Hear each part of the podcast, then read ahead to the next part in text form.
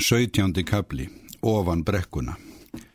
Sigurlaug fekk atvinni í búðinni sem hún hafði minnst á við prestin.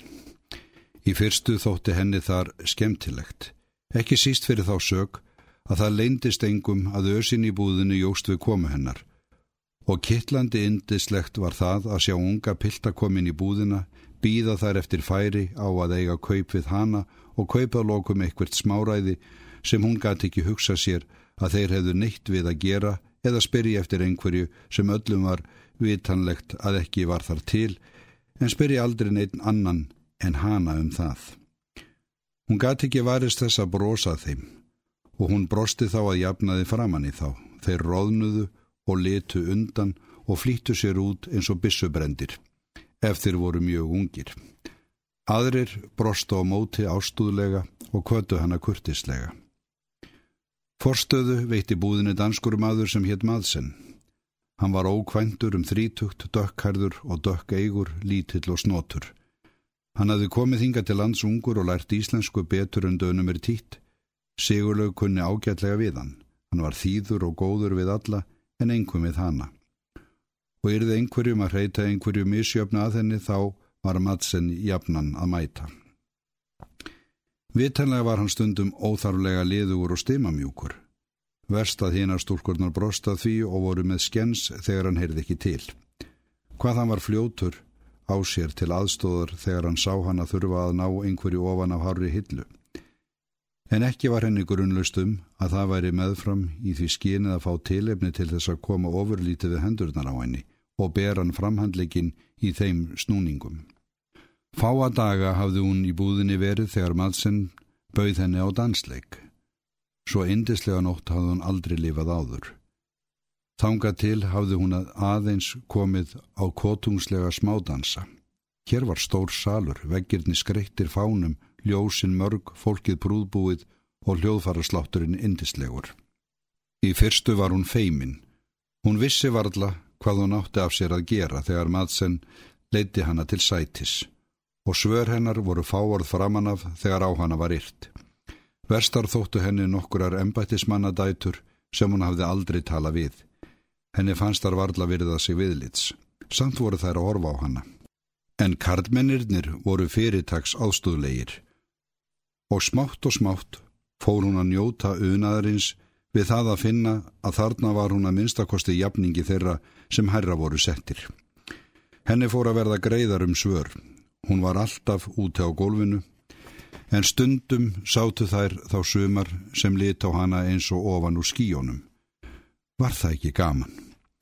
Og dansfögnuðurinn örfaði hana eins og portvín þorbjarnar. En einhver var nú munurinn á þeim kvöldunum og þessu. Og dansfögnuðurinn reif hug hennar. Hún fór að hugsa um hvað himnest það væri að vera ung og lagleg. En hún mátti ekki vera því að hugsa. Nú neyði sig kartmaður fyrir henni og út á gólfið var hún komin samstundis. Áskrimur Bjarnason hafði beðið hana um bordansinn. Hún hafði orðið því fegin. Hún hafði kviðið fyrir því ef hún ætti að lenda hjá einhverjum bindindismanni.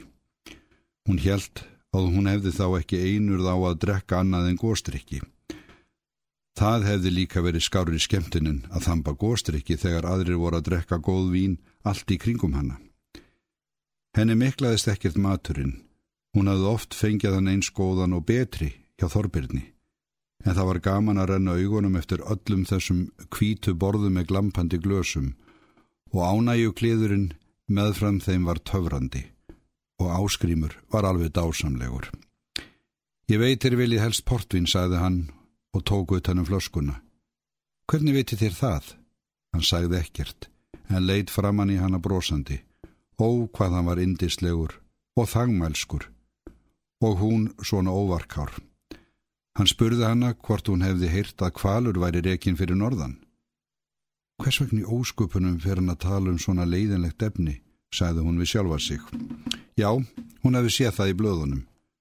Hafið þér nokkur tíma séð kval? Ég? Nei. Hvar hefði ég átt að sjá kval? En mynda honum? Ég mann það ekki. Það tel ég víst. Ef þér hafið ekki séð þann áður, þá geti þér séð þann að þarna í horninu. Og hann leiti það hornið sem hann átti við. Sigurlaug leitt ánga líka. Þar satt svo embættismannsdóttirinn sem henni hafði fundist líta á sig smastum augum. Stórt flikki er í spikinu. Hvað það var gaman að geta látið það berast til hennar að hún væri kvölluð kvalurinn. Hvaða var skemmtilegur? Sigurlaug hló. Ég vildi að ég var eins hugaður eins og Madsen, sagði áskrimur. Hvað er til margs um hans hugreikki? Nálinn. Sigurlaug leitt á hann kangvísum hlæjandi spurnaraugum. Hún gekka því vísu að nú myndi eitthvað skringilegt verið í vændum. Þér trúið því ekki hvað ég er hrættur við nálar. Með einni nál mætti reka mig. Ég veit ekki hvert, út í sjóin, inn í hús sem stendur í björtu báli. Ég held jafnvel inn í lélegustu kotin hérna. Ég skiliður alls ekki, saði Sigurlaug. Sjáu þér ekki skónála lægið á henni þarna sem situr hjá mattsinn? Takkir vel eftir. Jú, nú sá Sigurlaug það. Skónálinn var líka embættismannstóttir og farin að verða nokkur roskin.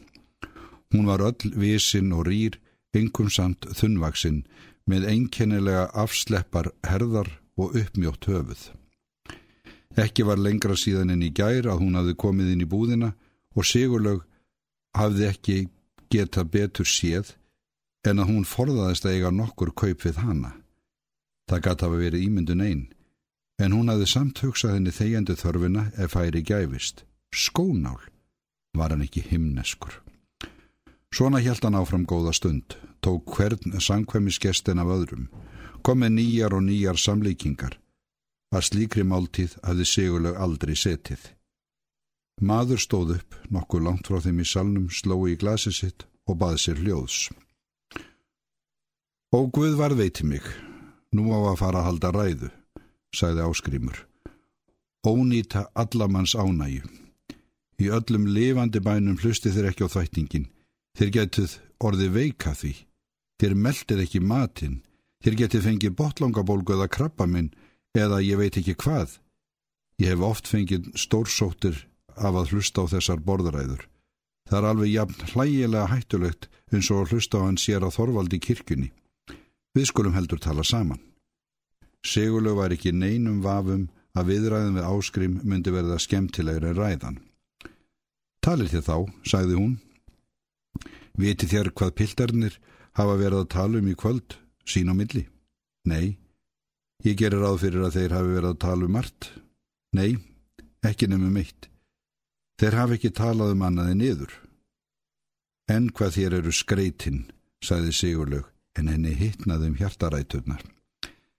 Þeir hef ekki um annað talað en að þér séu það fallegasta og indislegasta sem þeir hafi séð. Þeim finnst eins og enginn sem hér nema þér. Til hljótið hafa séð það, þó að þér hafið ekki heyrt það. Hvað þér eigið gott? Hvað lífið getur verið yfir indislegt ef þér kunnið að fara með það? Ef þér kunnið að njóta æskunar og fegurðarinnar og alls indi sem er á bóðstólnum, Mart sagði hann fleira í þá áttina og hugur hennar drakk það. Það var enn ljúfengara en portvínið. Nóttin leið eins og í ljúfum draumi framundir morgun. Madsen hjálpaði henni í kápunni og leiti hann út á götu til heimferðar. Fyrir utan samkómuhúsi slóst áskrimur í för með þeim. Hvað er þetta? Ætli þér að verða samferða? saði Madsen. Hvað gerir þér við íðardömu? Sigurlegu fannst á rómnum sem Madsen kynni þess ekki sem best. Ég er búin að koma henni af mér. Menn langar til að andað mér ofur litla morgunloftinu og ég er ekki nestislaus, sagði áskrimur. Hann síndi þeim að flaska var í báðum yfirfrakkavösunum. Jæja, þá komum við inn til mín í leiðinu, sagði Madsen. Ég held að mér væri nú næra að fara heima að hátta, sagði Sigurlug. Nei, Nú njótum við lífsins og æskunar, sagði áskrimur. Þau fóru inn til matsins. Og orð fór að fara því vikurna þar og eftir að hún kæmi þangað oft á kvöldin og til áskrims Bjarnarssona líka. Og við bar það að menn þóttust vita að hún hefði verið drukkin. Hún er á leiðinu ofan brekkuna, vesalingur, sögðu sömur. Á skýðum bættu aðrir við.